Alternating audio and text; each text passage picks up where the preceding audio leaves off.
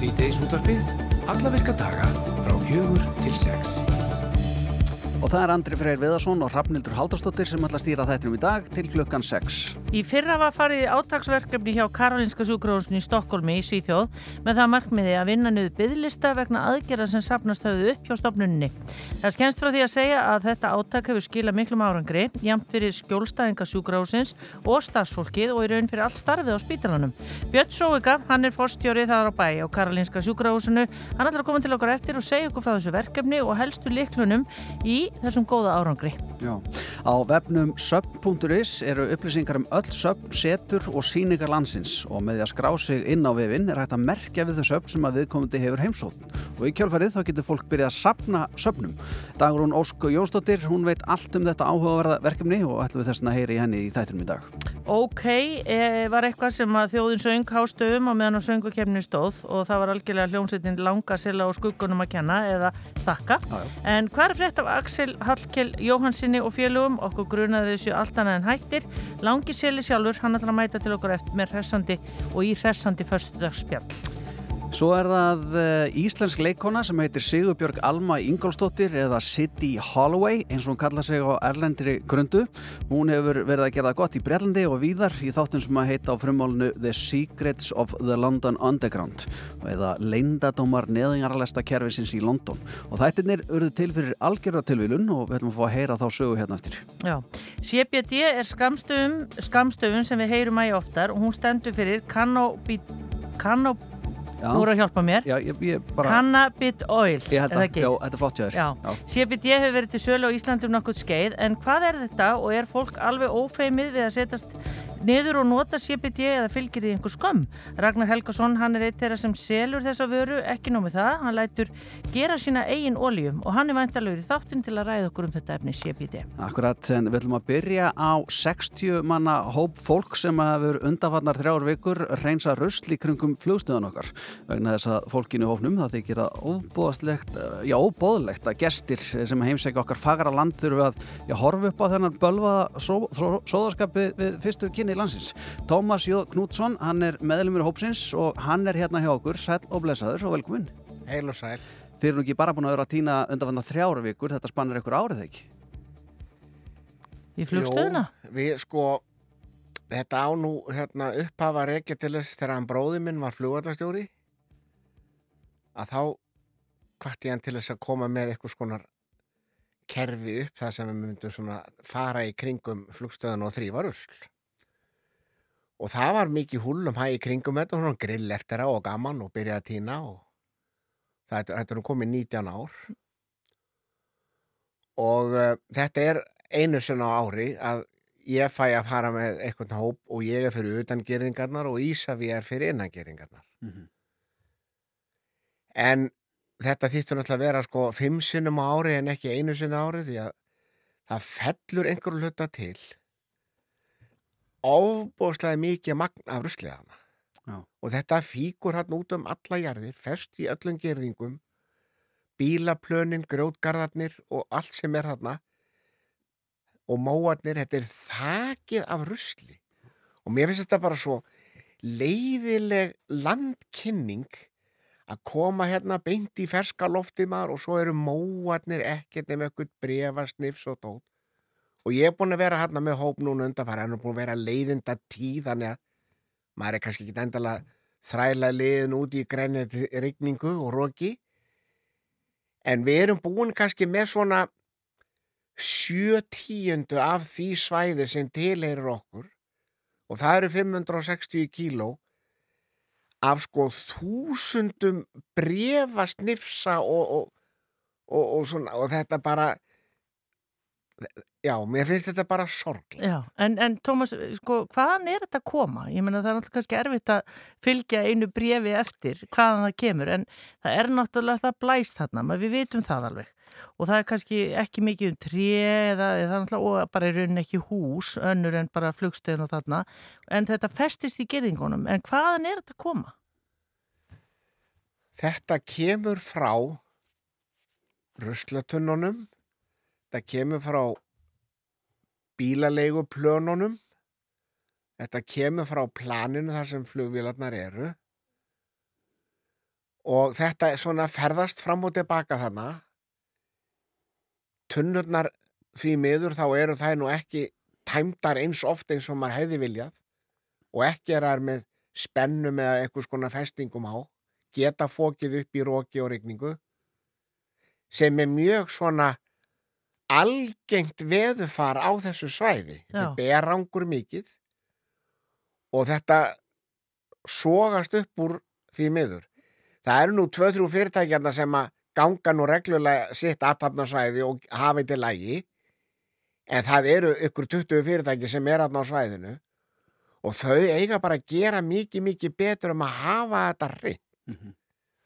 og þetta á að vera samvinnuverkefn og við höfum öll að hafa metnað í okkur til þess að geta tekið vel á móti fólki og það var ekki bara eitthvað endaleg kringum flugstöðu Leifs Eiríkssonar. Nei.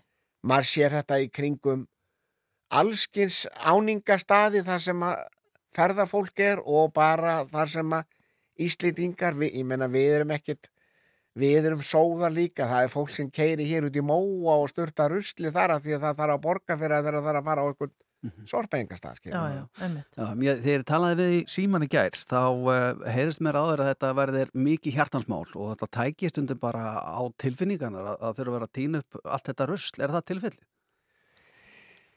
Já, ég sagði eitthvað við í gær á þá leið sko að nú, ég er orðin 66 ára og maður hefði viljað að sko gangur lífsins væri sá að maður væri að ná einhverjum árangri ég er nú búin að vera að berjast í ykkur næstu í þrjá áratögi og ég er búin að benda á mjög margar mjög praktíska lausnir en það er einhvern veginn eins og það gangi bara ekki upp af því að það er kannski ekki hugmynd þeirra sem að ég er svona að agnúast utan í En er Tómas Knútsson og Blái Herin, er, er þau nokkuð að fara að gefast upp eða hætta? Já, ég ætla nú ekki, ég, það er nú aldrei game changer að segja frá því beint í útvarpinu en sko, ég er farin að fá aðra sín á verkefnið heldur en þegar ég byrjaði og um, mín sín er svo að það á bara að vera þjóðar áttak að hafa landi reynd. En plokkdagurinn? Til hann er eitt besta dæmið sem sínir svart á kvítu hvað við erum í slæmum málum.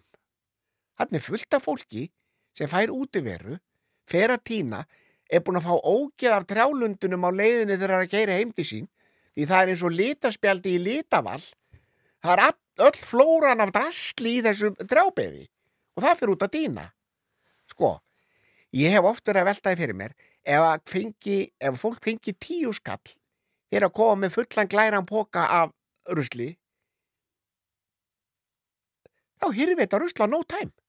Það fær allir út að dýna rusl komið pókan og fengi borga fyrir ég held nefnilega til þess að leysa þetta þá þarf að vera peningasýstem á baka þetta. Og ég er búin að reikna þetta út hvaða kostar til dæmis mig með 20 manna hóp að fara og þrýfa 1 kílometr í fjörum landsins. Og ég, ef ég bara væri verktaki með 20 manns og tækju tól og guðum og þetta allt saman, þá er þetta 1 miljón á kílometrin þannig að til þess að þessi hlutir gangi upp þá þýrt að vera til sjóður sem keifti fjörugósið og þar með væri viðbúin að sko segra þennan ímyndar vanda okkur í hag því að hver mann ekki eftir því þegar einhver frakki lappað um og hortströndum og postað á YouTube öllu ruslinu og draslinu sem var þar. Hann ætlaði að vera einhverja æðislegri einveru og, og, og, og frí spirit eitthvað aðriðmár og var bara í nýje í rusli. Já. ég var búin að vera að byggja um að fá að fara og skoða þetta þess að reyna að leggja á ráðin og mér var sagt verður þú ekki að blanda þér í okkar svæði svo fengur bara hennan gaur óvart. Því að það, það er hver einasti aðil í dag blafamadur það er öllu posta á neti ef eitthvað fer álega þá er búið að posta því á neti það er tveir knaspunumenn hrækja okkur annar skil það, það, það er allt spotta skil þess vegna er engin huldur fyrir því ef við yrðum fyrir árás utanakomandi um að segja við værim ekki að standa okkur nú vel í umhverfismálum þá þurftum við að fara að vinna okkur út úr okkur um ímyndar vanda og ég vissum að þá er til nóga peningu til þess að retta því aðriði Akkur ekki vera bara með fyrir byggjandi aðgerðið, þrýfa alltaf eitthvað aksjón, borga, kaupa, rusli upp úr fjörunum. Sjáu til dæmis fisk sífút. Þau setja 12.000 krónur per íþrótta unnanda í skagaferðunum, fáðu í einn dag til að fara út að þrýfa. Það voru 18 tonn sem voru þrýfin úr skagaferðunum núna í byrjun mæ. Allir fá pulsu og húlum hæg eftir á Skagafjörðurinn er hreitt Fisk sífút setur þetta í, í árskísluna sína, árskísluna sína þeir, sko, þeir fengur tólsti frá mér skilði, að því. að svona á að gera þetta. En bara rétt í lókin Tómas ef að fólk hefur áhuga til dæmis að, að vera með þér í bláa hernum eða taka þátt í þessu átaki Nota plokkarinn sem oftar en einu sem ári með Tómasi e, Þú veist, getur maður bara skrási eða hvernig ætlir þess að fara hann upp segjum bara sem dæmi að því það eru einhverjir að núti sem langar kannski að gera en hafa ekki haft síða. Já. Og fá ekki borga fyrir það. Nú kemur náttúrulega, nú kemur náttúrulega sorg, sorgar endirinn á þetta allt saman sko. Oh, hvað nú? Máli snýstu mjög einfalda hlut. Ég tek núna bara á móti þeim fyrirtækjum og hópum sem að eru búin að panta fjörurreinsun vegna þess að ég gæti verið með tíu manns alla daga að þrýfa Sum sveitafélug er ekki tilbúin til að greiða forgunarkostnaðin. Það, nú, það kostar nú bara 150 krónur að losna við 1 kíló af einhverju drasli sem maður týnur upp úr fjöru og ég er einhver stund að snara upp einu tonni af drasli eitthvað starf. Þá er það komin í 150 skall. Hver á að borga mér laun? Hver á, hver á að borga ólju á bílinn? Hver á að sjá um... Ég meina ég skipurlegg og, og framkæmi og, og ég er náttúrulega það að vita það allir að ég get verið aksjónmaður þegar ég er í stöði Ég er að þrýfa svona 18 til 25 tonnu ári. Budgeti í kringum þetta er bara orðið 20 pluss miljónir. Og ef enginn er áhuga á því að styrkja það baki á mér, hvað er ég þá að vera að hafa áhuga þessu? Tómas Knútsson, takk kjærlega fyrir komuna í sýtesótarpið og takk fyrir að þrýfa í kringum og að túristinir... Og ekki bara lefstöð. Nei, nei, svo að túristinir átti á því hversu miklu sóðar við erum í raun og veru. Og alla fjörurnar og allt sem við búin að gera. Heldur betur. Takk kjærlega fyrir þetta. Takk svo með leiðis. Þú ert að hlusta á síðdeis útvarpið á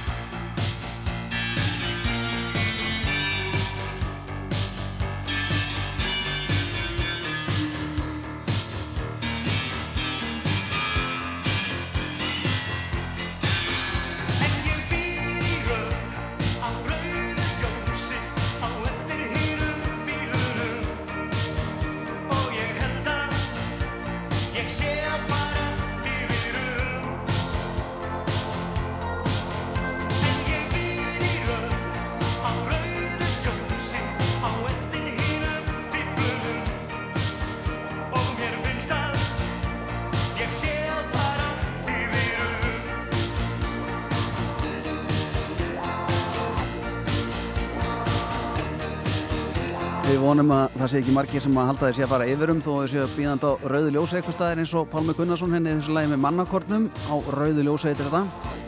En uh, við ætlum að fara að hella okkur í eitthvað allt annað.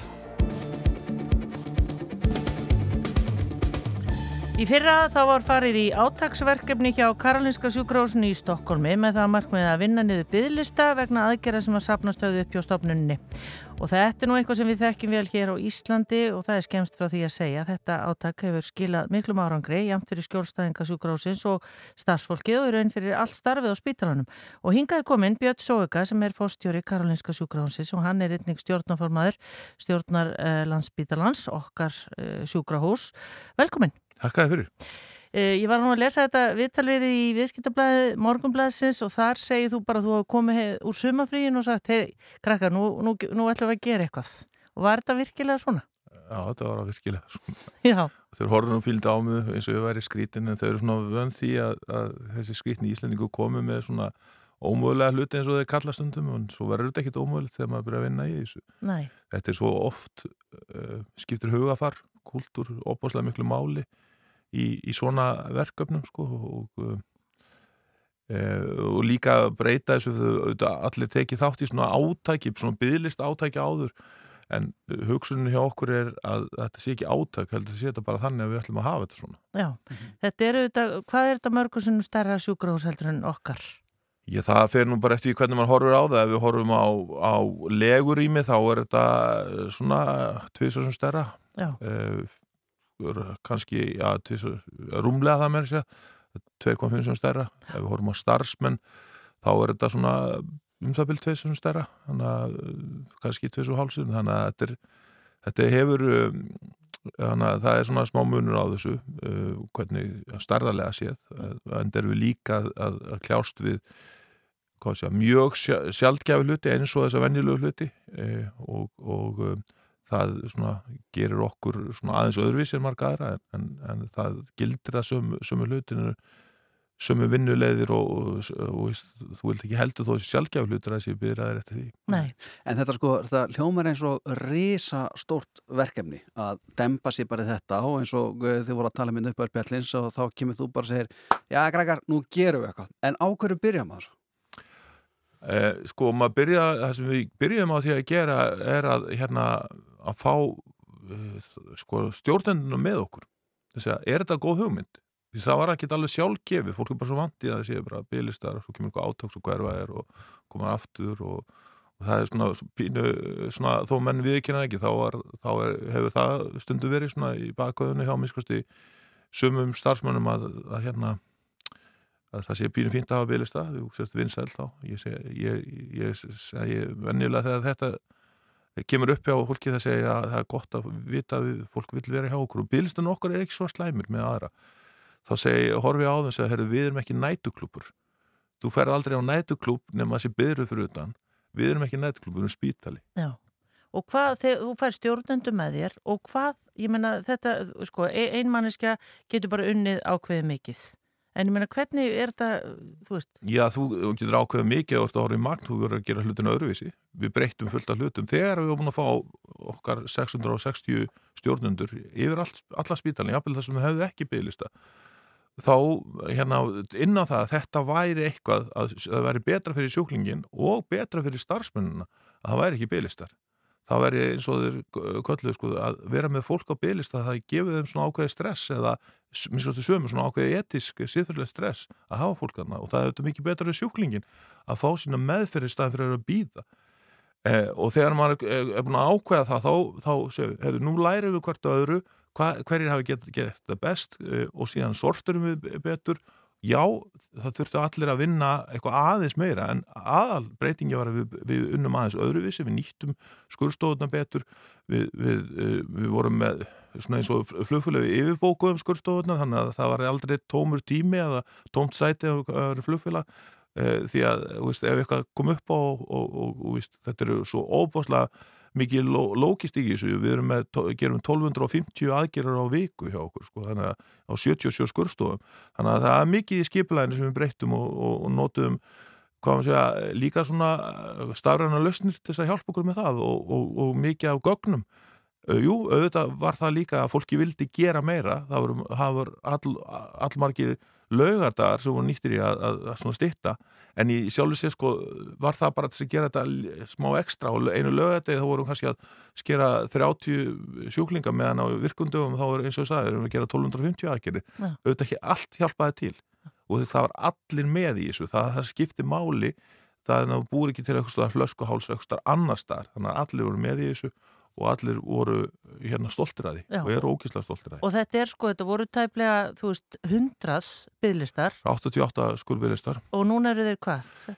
Já sko, það, við náðum öllum, við náðum öllum með 6, það var að segja, við náðum niður 82 bygglistum á Já, ég menna að þetta voru innan við sex mánuðir. Já, en hvernig er svo að viðhalda þessu? Er aðal, hver er aðal líkillin það? Já, viðhalda er bara það að, að, að og við það erum stöðut að glíma við að, að forgámsraða milli, bygglista, milli e, sérgreina, milli e, hvað sé það sem við kallum sjúklingaflæði sem við höfum í staðin fyrir að þetta sé einhverju eigi ákveðna skurstofu eða ákveðin herbyggi, þá erum við að reyna að stjórna þessu þannig að það verði meiri sveigjalegi í þessu. Það er alveg óbáslega mikil munur á milli bæði mánuða og jafnvel milli ára hvað koma til nefnins innmarkir krabba með sjúklingar sem þurfa aðgerða að halda. Við sjáum það annarkvært ár, þá gerist eitthvað á vorin.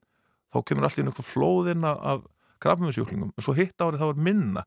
Þetta er eitthvað sem við höfum enga skýringu á, við höfum bara séð þetta núna síðustu hvað sex árin eh, sem við höfum tölur um og geta séð þetta. Og það því að dansa í takt. það, það þarf að dansa í takt, það þarf að færa á milli og það þarf að auka þá eh, hérna, uh, getuna krabbaminsmegin og, og minga þá annar staðs í tímabundið og það er og það er, og það er við haft svona lítinn hóp af, af sterkum svo kallum klínisku stjórnundum eða fólkinu sem stjórnar á gólfinu sem sér bara um að, að, að, að millisín í stað fyrir að rífast um plásið að það leysi það í sama herbyggi Já, en Björn Tjóka þú ert stjórnaformaður landsbytarnas og við erum búin að hugsa sko, eða við erum búin að hlusta á bygglista umræðuna, ég veit ekki hvað mörg ár, eiginlega bara alla tíð. Og maður er einhvern veginn verður þannig að þetta bara samdöna, einhvern veginn að þetta sé bara svona þetta sé bara eitthvað lögmál Hvað getur við gert? Getur við gert alveg eins?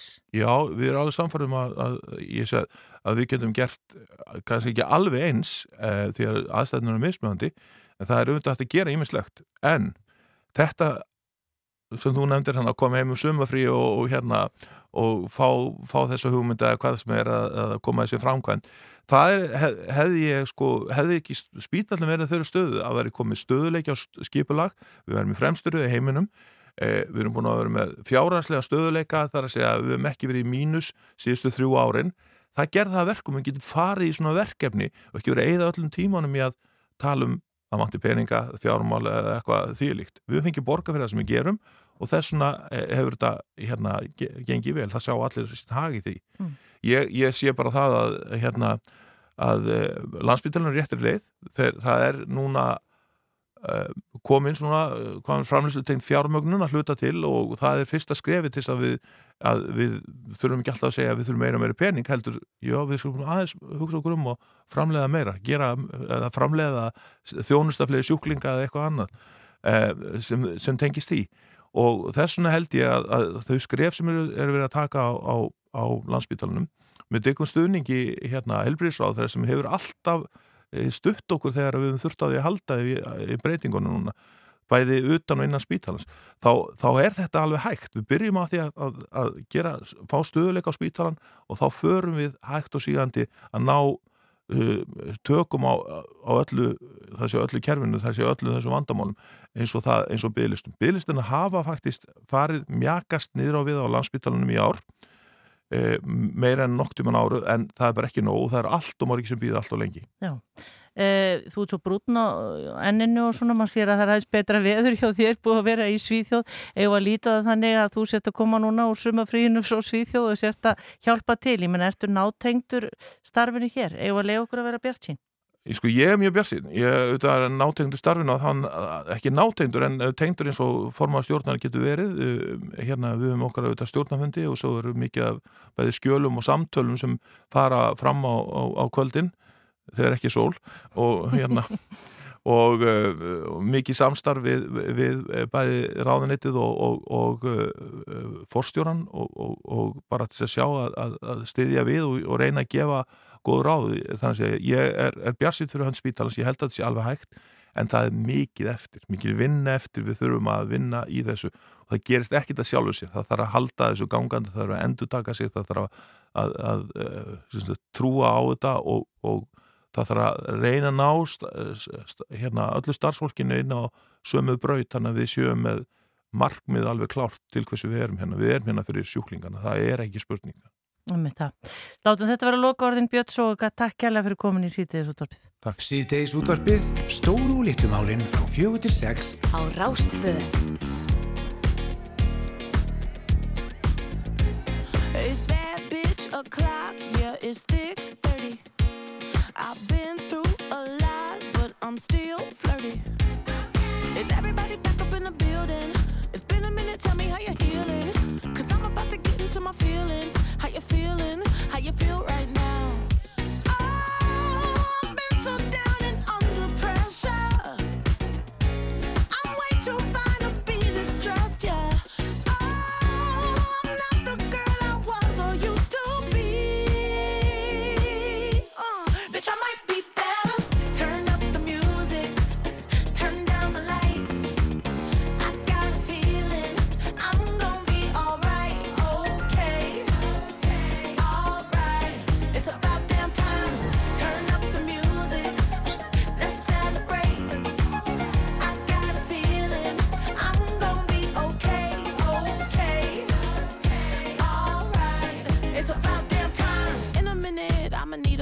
Sentimental man or woman to pump me up. Feeling fussy, walking in my Balenciennes, trying to bring out the fabulous. Cause I give a fuck way, way too much. I'ma need like two shots in my cup. Wanna get up, wanna get down. Mm,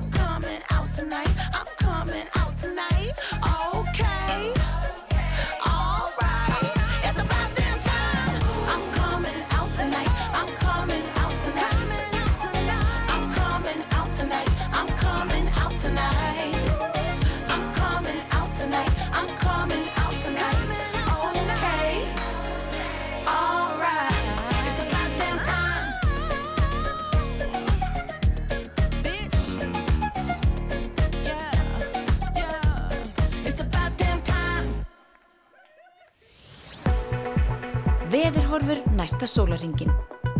About Damn Time, söngun Lizzo. Já, og þetta lítur að tengjast.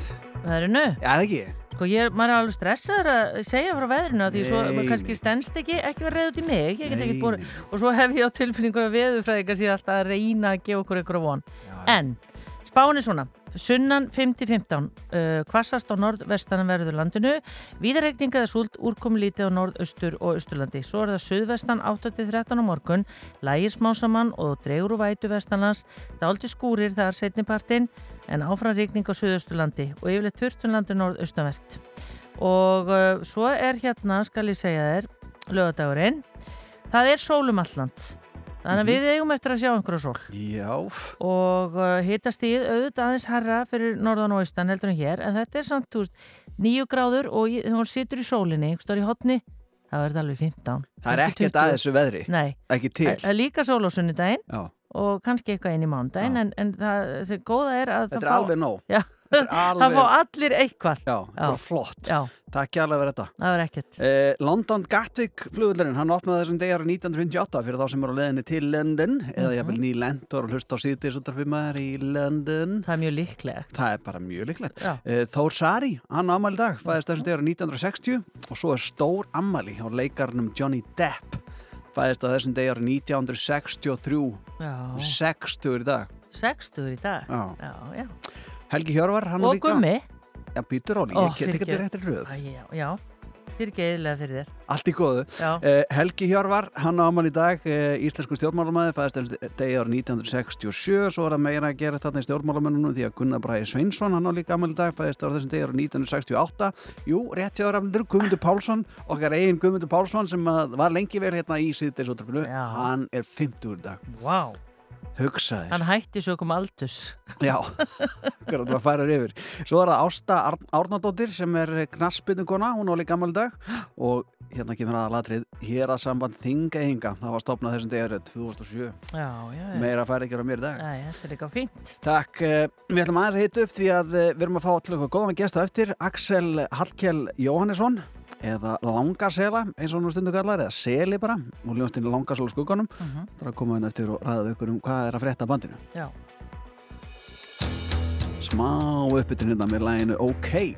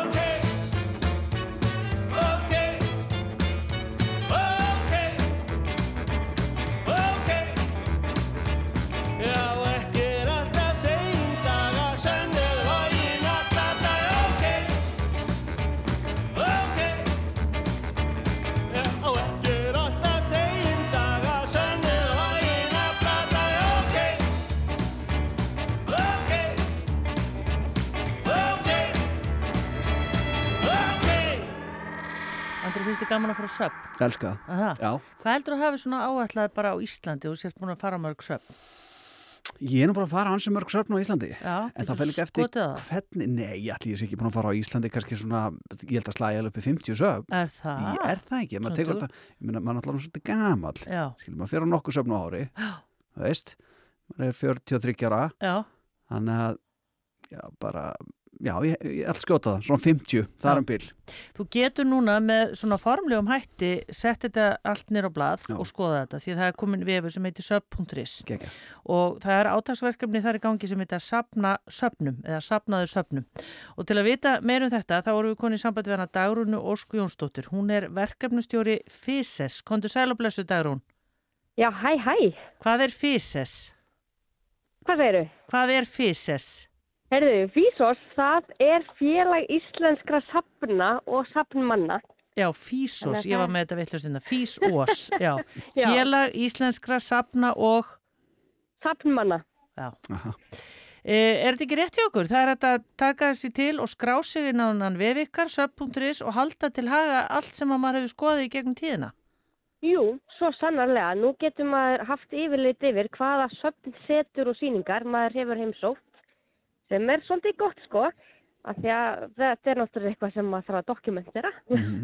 En hvernig, hvernig kom þessi hugmynd? Eh, Varst þú bara búin að fá nóaði að liggja upp í rummi og, og hugsa um öll söfni sem þú faraði á og reyna að rifja upp og mannst ekki alveg og svo byrja upp á nýtt næstu nótt eða hvað? Hvernig var þetta til? Já, bara herbergið þakir post-it miðum. Já, Nei, já. Hérna, e, þetta, þessi vefur á sér nú hugmynd og fyrirmynd í webnum sundlögar.com Mhm. sem að opnaði síðasta sumar og þar gæt maður einmitt haldið utan um allar sundlögar á Íslandi og getur enn sem að maður hefur heimsótt og heiða og finnur byggur til þann vef og mér fannst þetta bara svo geðveikt góð hugmynd að ég hafði samband við hann finn og spurði hvort hann var ekki til í aðstofa með að búa til svipa fyrir söfnin. Já. Já. Eh, hvað þarf safn að hafa til þess að komast inn á vefina? Því að nú ég menna að það getur hver sem er hend upp einhverjum pappakassa og kalla það safn en það ka- kannski er ekkit endilega safn. En hvað þarf safnið að hafa? Nei, sko, það er, og inn á þessum vef eru það sem er kallast söfn, setur og síningar sem er Já. svona aðeins mismunandi staðir, sko. En það þarf eiginlega að vera hægt að heimsækja þau, þannig að maður geti raunverulega sapna þeim í sumar, sko, sem er svona kannski aðeins áskorunin sem að við erum að setja af stað, að fólk reyna að sapna fleiri söfnum. Uh, þannig að það er svona já, kannski það helsta að það maður geti komið og skoðað og, og náttúrulega svo eru söfn, þau eru með alls konar uh, svona verkefni og viðmið um að vera fræðandi og miðla og vera með síningar og, og varðveita og alls konar svona sko. Já. En, en hvað eru þau mörg á Íslandi, söfnin? Svo, þau eru í kringum 150 söfnin og, og þau sem er hægt að merkja við þarna inn á þessum vef. Þannig að það er svolítið slatti, sko. Það er bara í nánast hverju einasta bæjarfélagi eitt að minnstakosti. Já. Ef að einhver uh, sapstjóri er að hlusta núna og hugsa með sér að sapnið sem hann stýrir er ekki inn á þessum vef, er þetta að uh, já, komast inn með einhverjum hætti? Já, á vefnum sjálfum, þar er netfangi mitt og ég er enga stund að skella inn bara fleiri söfnum og ef haft er samband við mig. Þannig að það er mjög velkomið að gera það. Já, en ætlið svo einhvern veginn að verðluna þar sem að til dæmis er búin að fara á 150 söfn? Já, sko, það væri náttúrulega mjög skemmtilegt og ef einhver er búinn að fara á öll söfnin og fær 100% þá þarf að hafa samband við mig líka og við munum klárlega að finna eitthvað til að, til að verðlauna þannig fyrir utan náttúrulega heiðurinn. Ég bara, Já, já. það verður mikið afreg, sko. Það er svakalegt kannski fær viðkomandi bara svona sapnakort. Já, það verður náttúrulega. Frýtt í ár og öll söfnin aftur. Það er bara all, öll söfnin hengi upp mynd af viðkomandi Einmitt. í andrinu. Akkurat, akkurat. Er þetta, sem sagt, þetta er þessi síða sub.is en eru þið líka með appið eða eitthvað slíkt? Þetta er í rauninni vefurinn og Já. maður getur skráð sig inn bæði með því að búa til aðgang eða bara í gegnum Facebookið sitt. Þannig að þá getur maður farið þar í gegn og haldið utanum þetta þannig að maður þurfum nú ekki alltaf að merkja við upp á nýtt í hvert skipti sko heldur heldur þetta utanum þetta fyrir mann sko. Já, við ætlum núna þegar við erum búin að tala við þig Dagrún, þá ætlum við Andri að byrja að fylla inn og nú sjáum við til hvort okkar er búið að heimsækja fleiri söfn á Íslandi. Já, þetta er bara sko, ég held til dæmis að ég hefði myndið skora herða sjálf. Ef ég á að segja eins og er, en ég þarf að gera mér ferð í sumar eins og, eins og aðrir og heimsækja fleiri söfn. Já, nú er ég fann að vera alltaf hrættur um að þetta sé ekkert 50 sko. Þetta ekki Já, aðeins minna hefur mér ég. Það er þetta aðeins íkt. Já, gæti verið sko. Já. Gæti verið sko. Hvetjum fólk til að kíkja á þetta sub.is Dagrún Ósk Jónsdóttir sem er verkefnustjóri FISOS fyrir ekki að ég fór að það vittlust með í upphæfi. Takk fyrir spjalli og gangi ykkur vel. Málefni líðandi stundar frá fjögur til sex á Rástvö.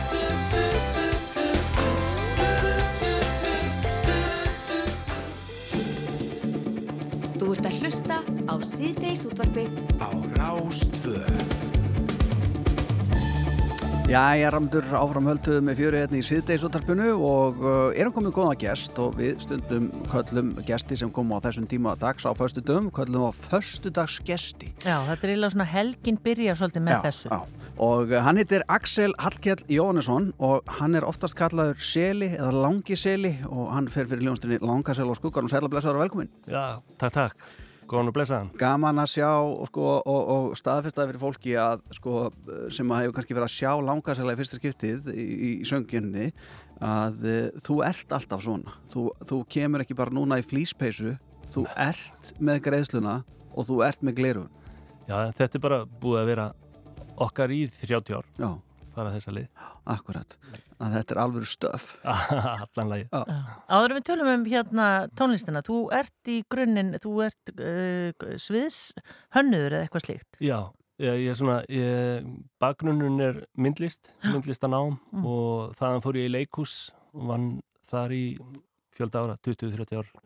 þar sem að uh, við leikmyndir og, og búninga hönnun og svo hefur svona síðan verið að hanna söfn og svona síninga hjá listasöfnunum núna svona, þá sem svona rýmishönnuður. Þannig að þú hefur unnið okkur andra að þú hefur skráð öll söfnið, þú ert örgulega búin að sjá þau öll á Íslandi.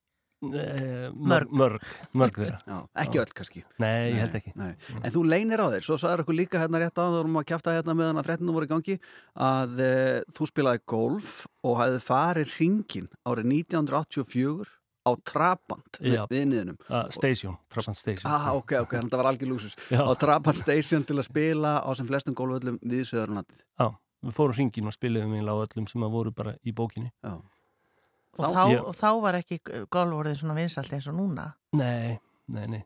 Og við vorum svona bara blankir þetta var ég og Kormóki Geirhans hérna Já. Kormóki skildi Mm. og hérna blankir og þannig að við vorum að stelast á kvöldin og í miðnættisólinni meira en hitt Með- hvað þið náðu mörgum? Nei, ég maður ekki var, Einhver tugur? Já, já, við fórum alveg við eldum þetta alveg, Ólafsfjörður og allir bakinn sko. Já. Sko, þú eru örugglega verið spurður oft út í þetta með þetta söngakefnisæventýri að eh, já, þið náttúrulega eru búin að segja það þið byggust ekki endilega við svona mikilvæg velgengni og, og þetta væri svona skemmtilegt en það sem að tekur svo við eftir söngakefninu, þið eru greiðlega vinsa hljómsveit allt í núna hjá fullt af fólki sem að þið bara aldrei lusta á okkur og krökkum líka Já, já, þetta er bara við erum að dust- dusta ríki bara af öllu gamla prógraminu og, og fólk heldur að þetta sé glænýtt sko. Já, geggja, alltaf með ný lög Já, Já, En hvað með því sjálfan sko? Ég veit, þú varst spurður öll að þessu bara í aðdraðanda söngvakefninar. Ég menna, uh, hvernig svona augum hefur þú litið þessa keppni sem gegnum tíðina og kom þetta kannski óvart bara hverju þetta hefur einhvern veginn skilað þessu bara fyrir ykkur? Já, það gerir það sko. Maður er náttúrulega, hefur gengið í gegnum eins og allir í, gegnum ákveðin mótþróa og svona eitthvað gagvart þessari keppni svona fram að unglísárum þá fylgdist maður með og svo dettur það út og, og pöngið var náttúrulega ekki mikið að, horfa í þetta, í þessa átt.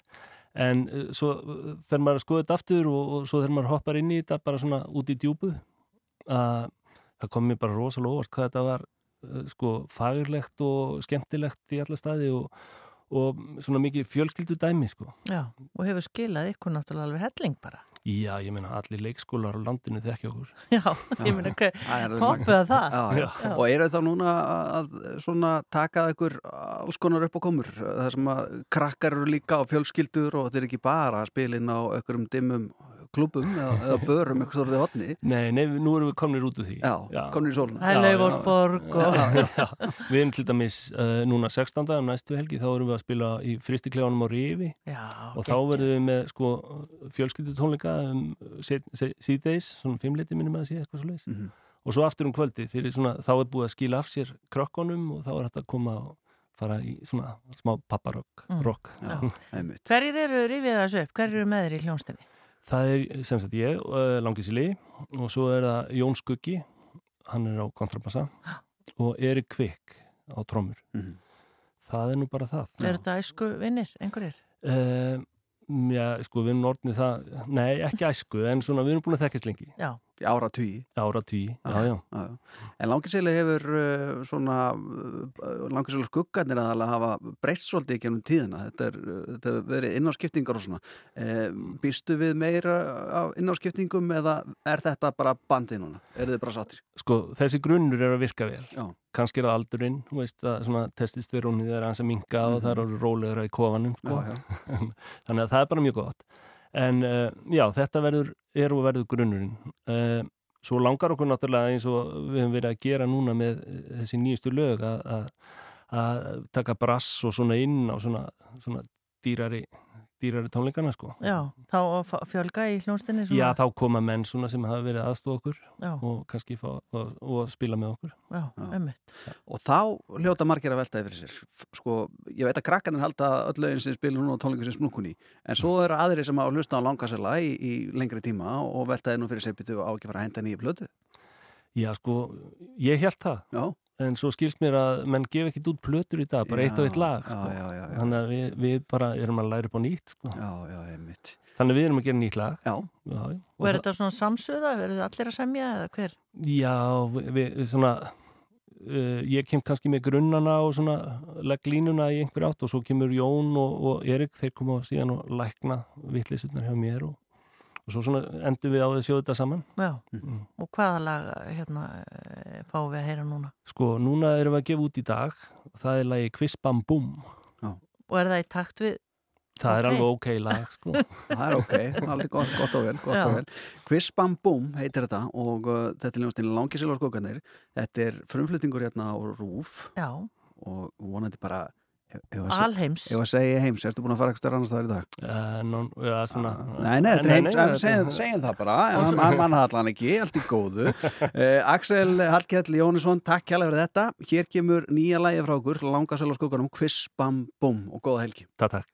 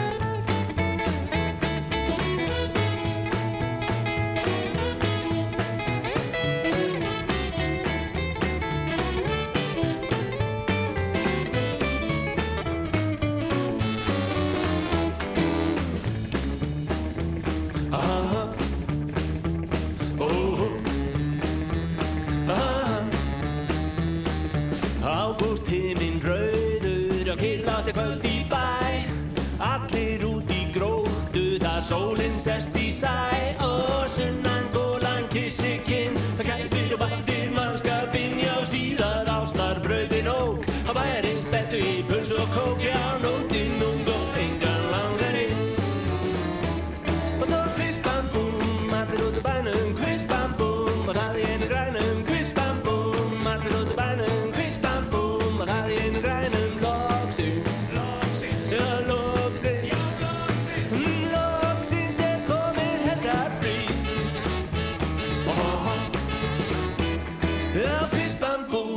allir út úr bænum, kviss bam bum. Og það í einu grænum, kviss bam bum. Allir út úr bænum, kviss bam bum. Og það í einu grænum, loksins. Mm, loksins, loksins, loksins.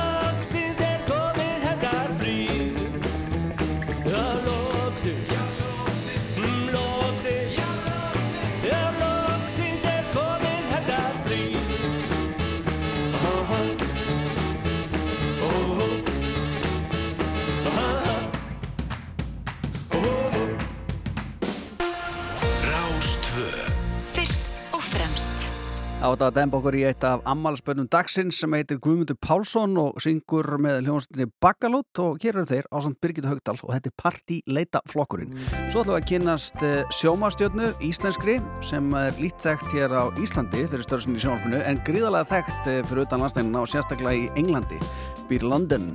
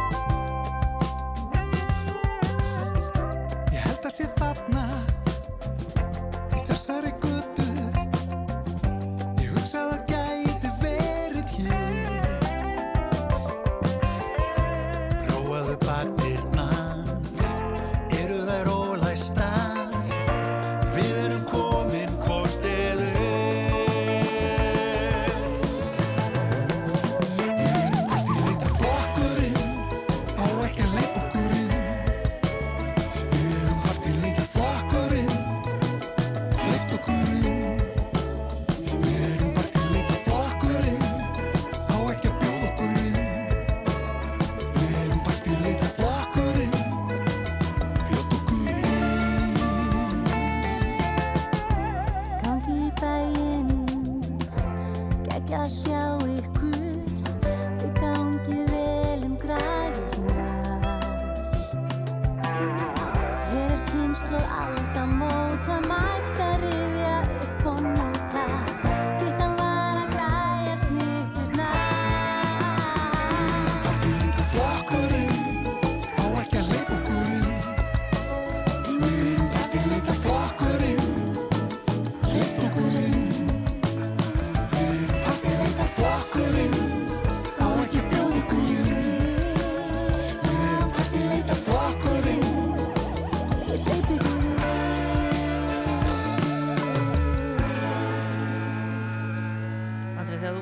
svona neðanjæðarleistar Underground. Hefur þú ekki alltaf hugsað hvað ætlir sé inn í þessum skúmáskotum hérna og eru rottur hérna í teinónum eða? Emmitt, emmitt Maður hugsaður ímislegt Bara við göngin getur talað hugsaðum þær Já. Já, en það er einmitt hérna fólk sem fekk hugmynd að hérna ljóstra því svolítið upp. Já. Og það hafi verið þættir í gangi í Breitlandi að, og Írlandi og víðar sem að heita Secrets of The London Underground Einmitt, og, og það var bara notið gríðalega vinselda Einmitt, og þriðja þáttaröðin er að fara í gang núna í sömar og það sem meira er, er að við eigum náttúrulega okkar fulltrúa þarna Íslendingar Já. Já, og hún heitir Sigurbjörg Alma Ingolstóttir en gengur undir listamannsnafninu City Holloway og við erum svo heppin að vera komið með hana á línuna hana City. Kontur sælublessuð? Komið sæl. Já, fyrsta spurning kannski bara, hvernig villistu inn í svona verkefni? Það er góð spurning og ég fæ þessa spurningu einmitt mjög oft vegna þess að ég lærði leikari en er núna orðin sagfræðingur hérna út í já. Og það vildi bara svo til að fyrir átta árum þá fekk ég starf á safni hérna í London sem heitir London Transport Museum sem er stærsta safn í heimi sem að tengist þess að samgöngukerfi borgar í heimi og þau voru sérst að byrja með þessa túra sem að heita Hidden London og sem að fara svolítið fyrir með fólk á lokaðar neðjarastöðvar og fólk getur farið á túra og skoða þær. Þannig að það er ekki, það er ekki neinn borg í heiminum sem er fleiri lokaðar undergroundstöðar heldur en London. Og það byrjaði fyrir átt árum og ég sem að ætlaði bara að vera með og hjálpaði maður að setja þetta í gang í nokkra mánuði og núna er ég búin að vera þarna í átta ár og út frá því skrifaði, skrifaði við bók sem kom úr 2019 gerðum síningu og svo núna erum við komið með þriðju serju af uh, sjónastættinum okkar, Secrets of the London Underground. Þannig að þetta einhvern veginn vart bara upp á sig Já, að maður var alltaf einu sérfræðingur í þessu. einmitt. Þannig að varstu kannski ekki með mikinn áhuga á uh, neðanjarðalesta kerfi fyrir að þú byrjaðar að fástu þess að þætti? Sko, já, eiginlega, þess að ég byrjaði náttúrulega, ég skrifaði alltaf þessa túra og til þess að gera það, þá, auðvitað, ég var sko svona túrgætt í, í mörg ár áður en ég byrjaði að vinna við þetta fyrir safnið. Og kom að þessu svona öðruvísi heldur en kannski flesti sakfræðingar sem að hugsa um þetta svolítið þurft en ég sem leikari vildi alltaf vita sko en, en hvaða fólk var þetta og hvernig leið þeim og hvernig, veist, hvernig var þetta allt til frá svona meiri mannlegu hliðinu þannig að ég vissi kannski svona, ég vissi svolítið um meðanjörðarkerfið en núna náttúrulega orðin algjör sérfræðingur og búin að skrifa bókum það. Og svo var það bara þannig að hérna 2019 þá var ég gestur í öðrum þætti og framleiðendunum leist svo vel á mig að þau báða mig um að koma á fund og þá sagði ég um hvað, hvað við gerum þætti bara um þetta. Já. og þeir hafa núna, já eins og ég segi, er þriðja þáttarinn fer í lofti hérna í Breitlandi 4. júli. Já, en er þetta allt, eru þið bara að skoða stöðvar eða, hérna, já, neðanjarðalesta stöðvar sem eru ekki í notkun eða hvernig er það? Nei, sko, London, þessast undergroundi í London er þessast elsta undergroundi í heiminum. Það var 160 ára núna í janúar síðastliðin og málega sem að gerist þegar svona gamalt er að náttúrulega flestu mistökin hafa verið í, í London vegna þess að það er náttúrulega breytriðandin og, og læri, allir aðri læra af mistökunum sem að London hefur gert. Og svo er náttúrulega líka tæknin breytt svo rosalega miklu yfir öll þessi ár. Þannig að flestar undergráttaði sem að Íslandingar hafa komið í, til dæmis eins og Piccadilly Circus og Oxford Circus og King's Cross og allar þessar stóru stöðvar, eru allar með hluta af hérna, svæðinu sínu sem er lokað fyrir almenning, sem er bara búið að loka og, og breyta til og, og bæta við hérna, eh, alls konar göngum og svoleiðis, þannig að það eru lindadómar eiginlega við hverja einustu stöð sem fólk fyrir gegnum í dag. Já. Og ertu búin að finna einhverja skemmtilega hluti þarna á þessum ferðalöðinum? Já, alveg helling. Ég meina, það er einn stöð sem að mér finnst alltaf ja, merkileg sem að við erum líka með svona túra um sem að heitir Down Street hún lokar svo svo 1932 vegna þess að hún er í staðsett í Mayfair sem er svo auðugt hverfi og hefur alltaf verið að nota ég lengi en þessu stöð. Þannig að hún lokar 1932 og svo þegar setni heimstöröldin ber að þá er hún tekin yfir af bara ríkistjórninni og breytt í hérna bara heila skrifstofu fyrir ríkisteild og allar skrifstofnur allt er ennþá þarna og Piccadilly-lestin fyrir bara framhjá þessari stöð okkur minnstu degi á með þess að fólk viti að bara fyrir aftan einn vegg er alveg heil skrifstofa frá 1940 sem að hérna, all, all var lestastöð, all, all, all, lestakirur Breitland var stýrt frá þessari undergroundstöð í gegnum sérni hinstaröldina til dæmis. En eru einhverju sem að starfa neðjarða? Maður hugsaður oft sko þegar maður er í þessum lestum að maður setur bara í lestinni og hún geir þannig einhvern veginn sjálfvirt. Er, Mhm. er eitthvað líf aðna fyrir utan auðvitað kannski einhverjar mís og róttur eða eitthvað? Já, og það er einmitt það sem við tölum um í þáttunum, þannig að við förum alltaf sko á, förum alltaf á eina stöð, þess að í hverjum þætti fyrir við yfir þetta tvær stöðar og svo förum við á safni og skoðum alls konar sko hluti sem eru tengdar til um þessu efnum sem við erum að tala um, alls konar plakkut eða, e- eða fólk sem einmitt vinnur við, við stöðarnar. Ég meina það er náttúrulega í London er það þannig að út að kerfið er svo gamalt, þá þarf yfir eitt alltaf að vera að laga það og það er bara hægt að gera á nóttunni. Þannig að yfirleitt allir verkfræðingar og allir sem að vinna við að gera við kerfið vinna á nóttunni frá svona cirka dát 1 til hálf 5. Þeir hafa ekki stóran tíma til þess að gera þetta, það þarf náttúrulega að setja kerfið aftur í gang. Og svo er náttúrulega fólki sem vinna á stöðvonum og, og svo er það hringjafingafólki, það þarf að hreinsa til dæmis öll göngin út um allt og, og svo er það menningi sem vinna við hérna, neyðarþjónustu undirgrandsins og alls konar fullt af fólki sem að vinnur sem að maður áttar sig ekki á heldur kerfinu gangandi. Já. Er það hægt að kepa þér upp við að mæta rótum? Veistu það, ég hef bara séð eina róttu Hvað þetta? í átta ára að gera þetta og ég hef örgulega farið í svona, fimm, ég, ég séð líklega svona 50 mismunandi loka, loka hluta af, af undergroundinu. Ég bara séð eina og yfirleitt sem það bara litla kúslega mís sko. Það er nefnilega ekki svo auðvelt fyrir róttur að komast inn í miðbæ London. Þannig ég veit, ef þú serð róttu þá er hann einhver staðar aðeins lengra út sko. Já. En ef það er engin matur fyrir þær þá koma þær ekki. Nei, Er, að- já, og þetta er ótrúlega spennandi. Er hérna einhver möguleiki fyrir okkur að sjá þetta? Hvað er verið að sína þetta? Sko, það er ekki byrjað að sína þættin á Íslandi, þótt að ég held að mörgum Íslandingum myndi finnast það mjög gaman að fylgjast með þessu. En hérna, hún er, sem sagt, fyrst og önnu seri er núna í síningu í Breitlandi, á Írlandi, uh, Belgíu, Hollandi, Fraklandi, Spáni, Nýjasjálandi og Ástralíu og ég held mögulega þess að vera að byrja að sína hann í Kanada. Þannig að hún, hún er farin að vera vinsall og vinsall sem mjög gaman. Já, og þriðja serían í gangi sumar og svo kannski Jep. bara framhald á. Þetta er ótrúlega áhugavert. Já, ég held að við séum með nóg af lindamálum fyrir kannski svona eina seri viðbót. Þetta er náttúrulega endanlegt og þetta er ekki sagt endalist frá lindamálum og einhverju sem er bara til að vissu magni. En við ætlum, ætlum við segjum við nóg fyrir svona eina seri viðbót. Já, spennandi. Sigurbjörg Alma Ingolstóttir eða City Holloway gangi er vel með þetta og við vonum bara að einhverja sjómanstöður á Íslandi tæki við sér og sína okkur þetta. Já, ég, það væri nú frábært. Takk hérlega fyrir. Takk fyrir spjallið. Bless, bless. Bless, bless. Bless, bless. Þetta er magnað, það voru gaman að sjá þetta. Já.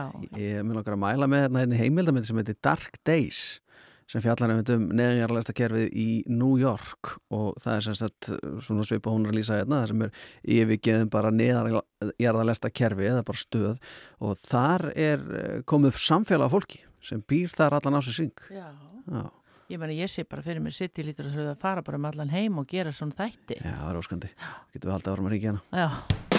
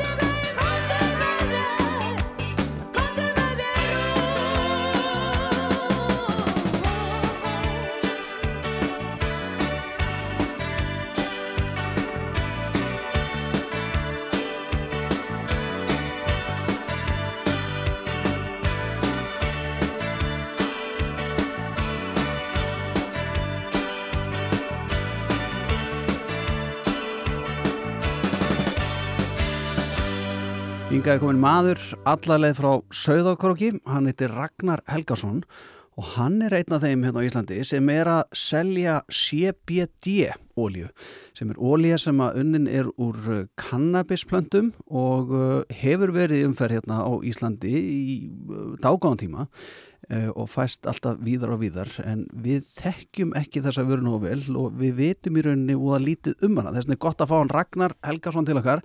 Sætla blessaður og velkomin Já, sæl, takk fyrir að fá mig Hvað, hvernig ég fer þú inn í þennan geira, CBD? Já, svona kannski til að, að hérna, byrja á leiðrétta að, að þetta er nú ekki kannabis plantaði þannig, þetta er yðnarhampur sem þetta notast við Já. og þess vegna er, er hérna, þetta sem stundir Evrópurreglugerð og er lögulegt því að Mhm. þetta er yðnarhampur sem við erum að vinna þetta með en ekki kannabis plantan sjálf Akkurat. uh, En þetta byrja þannig að, að hérna, kona mín hún uh, greinist með sjúkdóm og er að glíma við ímsa verki og taugaverki og hérna og pröfar CBD uh, það hjálpar henni við að ná niður verkjum og þannig þannig að þá fórum við bara að skoða uh, hvernig við getum raun og veru hvort við fyndum ykkur aðra laust með þessu, þessi aðra óljur. Þar sem að óljunar sem við vorum að skoða hér á landis voru ekki með öll innihaldsefnin, hámarkskildi innihaldsefna. Þannig að við fórum að skoða getur við bóðið upp á hámarkskildi innihaldsefna í þessum óljum og bjóða þannig upp á bara gæða vöru á góðu verði og svo þar sem við erum út, að, hérna, út á landi, búum og segjakröki, þá vorum við með það markmið að geta sendt alltaf frýtt hvert á land sem er, bara Mhm. svona til þess að stiðja undir, undir það sko. Já. En hvað er þetta nákvæmlega sem þetta gerir? eins og gafkvært bara konuðin hún alltaf kannski þekkir það dæmi best Já, þetta bara, þetta nær þessum taugaverkjum sem hún hérna er að glíma við og hérna uh, nær, nær að þrepa þá niður, eitthvað sem lifin, hún er náttúrulega með lif og svona sem hún er að nota en, en þau er ekki ná að taka þess að toppa þannig að þetta nær að þrepa það niður. Mhm. uh, en við erum með viðskiptavinni sem eru að tala um einmitt, veist, það er svefnin, það er, það er stór þáttur í þessu, fólk er að ná betri svefn, við erum með mikið aðtunýðrættu fólki sem er að taka þetta, sem er bara að ná betri endur, endurhemd og svefn.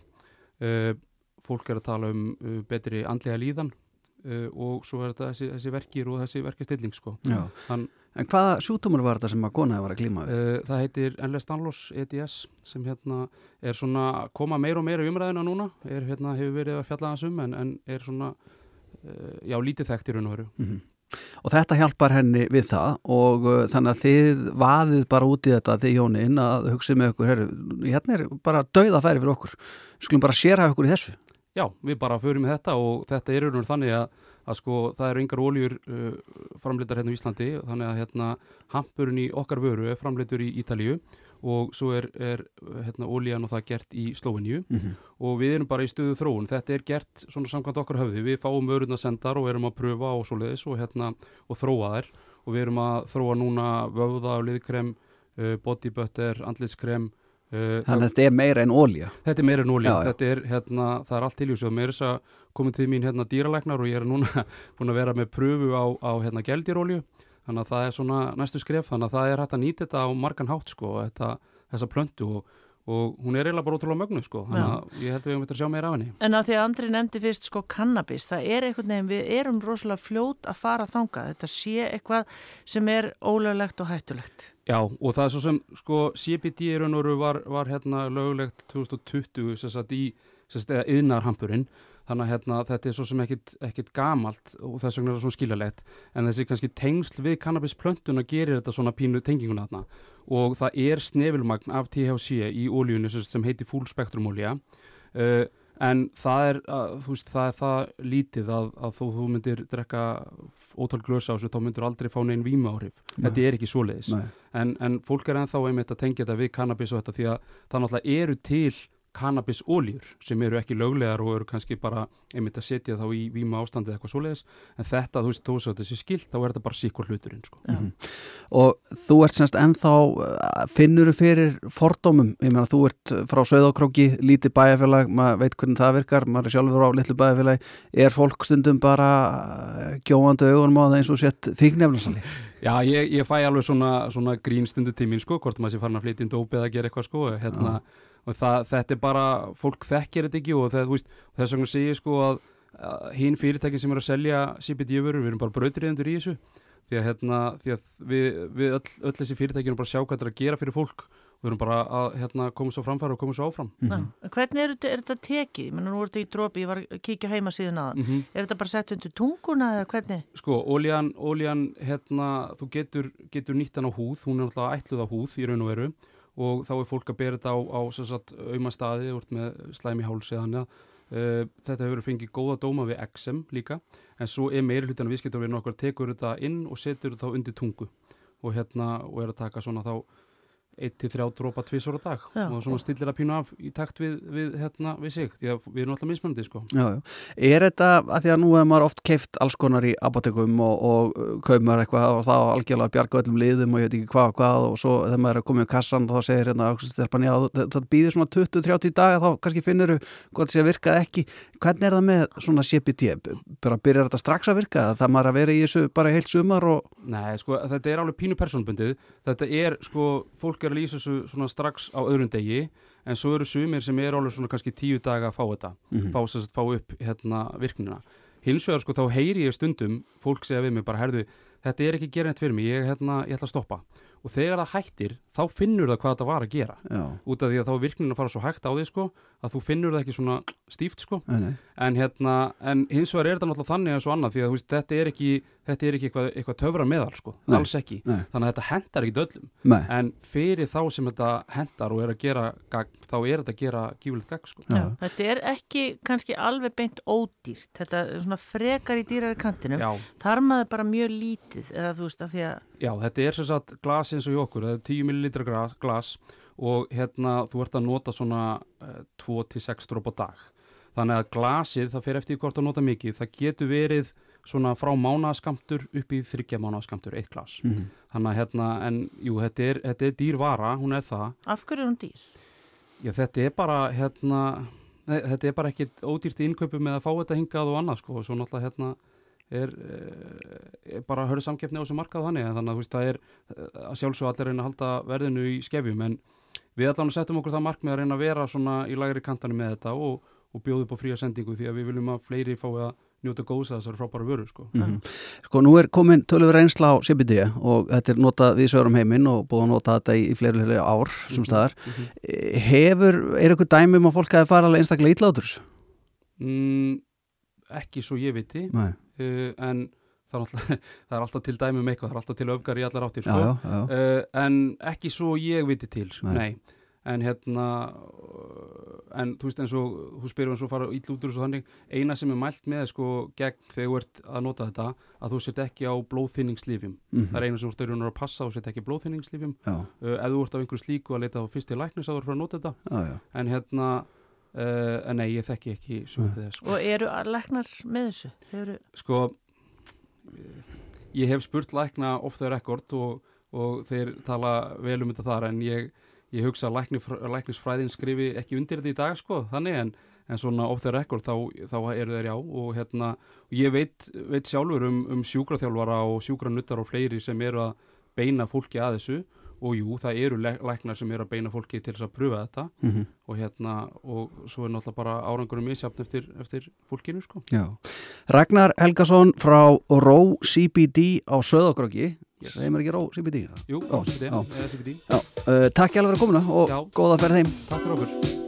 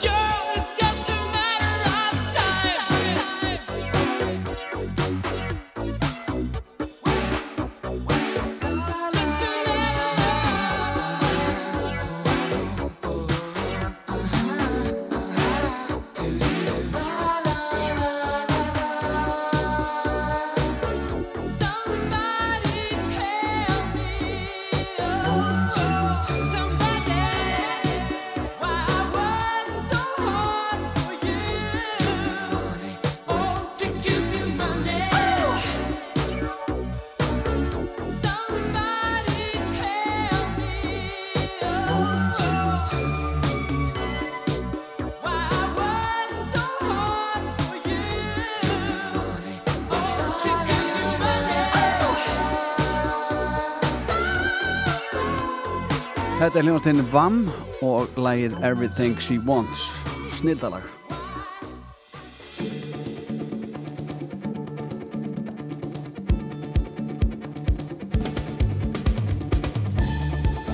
Nefna hvað, það er gott sem komið að lokum minna hjá okkur í síðdegisútarpinu en uh, það sem við vorum nú að, að spila VAM hérna á grafík og ég veit ekki hvað hérna Madonna og, og ég er fullt af öðru gulli. Það er ekkert að benda fólki það. Í kvöld þá er fyrsti þáttur af 16 af þáttunum með á nótunum. Og þetta er spurningaþáttur á léttu nótunum í til einni að 40 ára ammali Rásar 2 og það er einn áratugur tekin fyrir í, í hverjum mánuði og það er áttan sem er núna hvorki meira minna.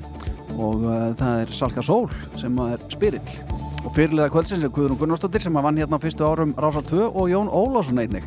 Þau voru bæði hérna á fyrstu uppáfs árum Rásarinnar.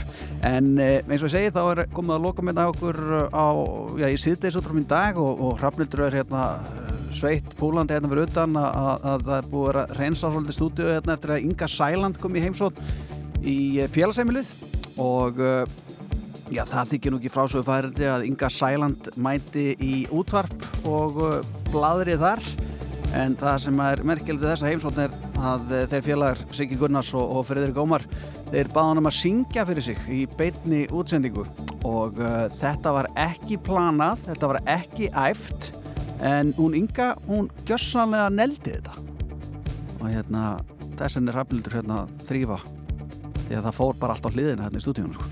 Og Sjón er söguríkari gott fólk og nú gaman að segja ykkur frá því að, að þetta er komið inn á fjersbókarsíður ásar 2 þá getið þið hort á þennan gjörning. Eða nenni ekki að horfa á með á nótunum í kvöld eða eitthvað annað þá er bara um að gera.